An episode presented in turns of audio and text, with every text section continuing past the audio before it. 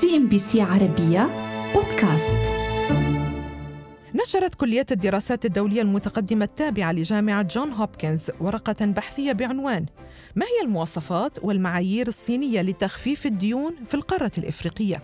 وتطرقت الدراسة إلى الإجراءات المتخذة لناحية تخفيف الديون أو المشاركة المباشرة في المشاريع كما تطرقت إلى إيجاد الأدلة التي يمكن أن تدعم المخاوف من أن الصين تستخدم ديونها للسيطرة على الأصول الاستراتيجية للدول المستدينة. أول قرض صيني للقارة الإفريقية تم إعطاؤه لغينيا في العام 1960 وخلال العقود الأربعة الماضية مولت الصين مشاريع على طول القارة الإفريقية بفوائد صفرية وبفترات سماح تصل لخمسة أعوام كما أنها أدارت استخدام مزيج من الهبات والقروض التي يمكن أن تصل فترة سدادها إلى مدد تتراوح ما بين الخمسة عشر إلى ثلاثين عاماً. وفي جميع تلك القروض التي أعطتها الصين في العقود الأولى ضمن مشاريع المساعدات الخارجية كان يتم تضمين العبارة التالية. إن وجدت أي صعوبة في سداد الدين في الموعد المحدد يمكن تمديد وقت السداد بعد التشاور بين الحكومتين.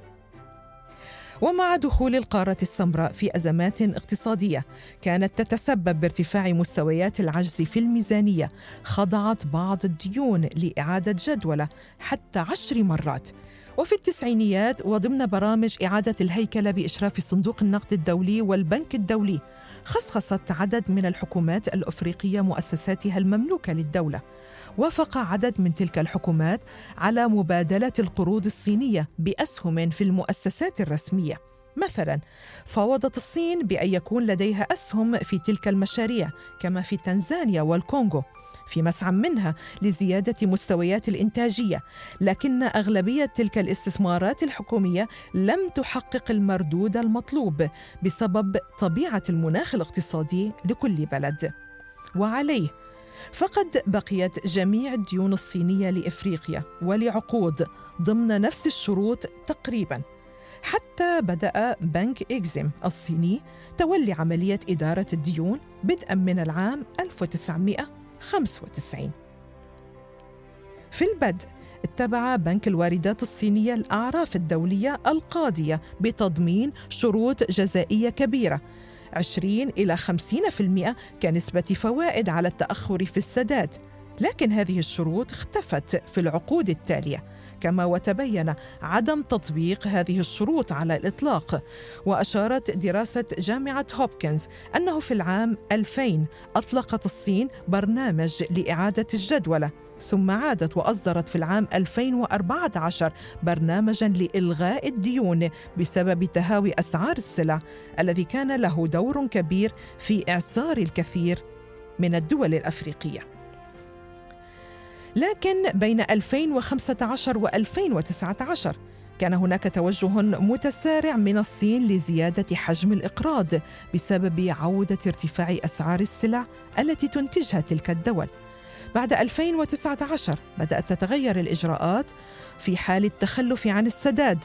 لم تعد مسألة إعادة الهيكلة التجارية هي الأداة الرئيسية التي تستخدمها بكين للضغط من أجل السداد عند تعثر الدولة. بل أصبحت تتجه نحو إيقاف المصاريف على المشاريع التي يجري تنفيذها مما يبطئ إنجازها. لكن هذا الأمر بطبيعة الأحوال يضر أيضا بالمقاولين الصينيين. إضافة لذلك كانت تمنع الموافقة على قروض جديدة حتى يتم دفع جزء من القروض القديمة. لكن في حال استطاعت المشاريع تحقيق إيرادات فإن التمويل يستكمل كما حصل في خط حديد أديس أبابا. وتؤكد الدراسة الأكاديمية أنه لم تسجل أي حالة أمام المحاكم أو التحكيم الدولي تدل على قيام البنوك الصينية بمحاولة لمصادرة أصول الدول المتعسرة عن السداد. بل بالعكس كانت بكين تطور حلولا لمعالجة الديون حسب كل حالة.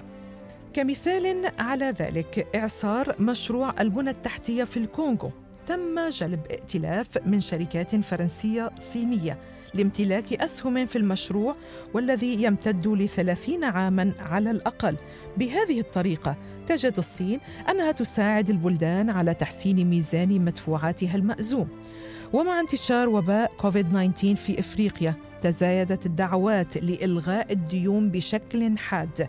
وتشير الدراسة إلى الفروق الكبيرة في تعامل الصين مع المستدينين منها بالمقارنة مع نادي باريس للدائنين والذي من الممكن أن يعيد جدولة الديون لكنه لا يلغيها وكان على الدول أن تنتظر لسنوات قبل أن يتم البت في أمور ديونها على عكس الصين التي تبت بسرعة بهذه القضايا بالمقارنة مع مؤسسات تمويليه دولية. وفي إطار آخر تشير دراسة نشرتها SCMP فإن إفريقيا تعد أيضا أحد المستخدمين النهائيين المهمين للسلع الصناعية الزائدة في الصين وخاصة الفحم والإسمنت والصلب والزجاج والطاقة الشمسية وبناء السفن والألمنيوم لاستخدامها في مشاريع الحزام والطريق ففي كينيا زادت واردات الإسمنت الصينية عشرة أضعاف في العام 2016 وفي 2018 ارتفعت الصادرات الصينية من الصلب إلى نيجيريا بنسبة 15% وزادت واردات الجزائر ثلاثة أضعاف من ذلك المنتج من الصين. لكن يبدو أن ذلك جلب بعض الأضرار لشرق أفريقيا كانت كينيا هي الأشد تضرراً ففي 2017 انخفضت صادرات الإسمنت الكينية إلى المنطقة بنسبة 40% بسبب تدفق الإسمنت الصيني إلى البلاد. ألقى المصنعون الكينيون باللوم على الشركات الصينية لتسببها بتراجع حصتها السوقية من جهة إغراق السوق بالمواد والمنتجات إضافة لرفع مستويات البطالة بسبب توظيف العمالة الصينية.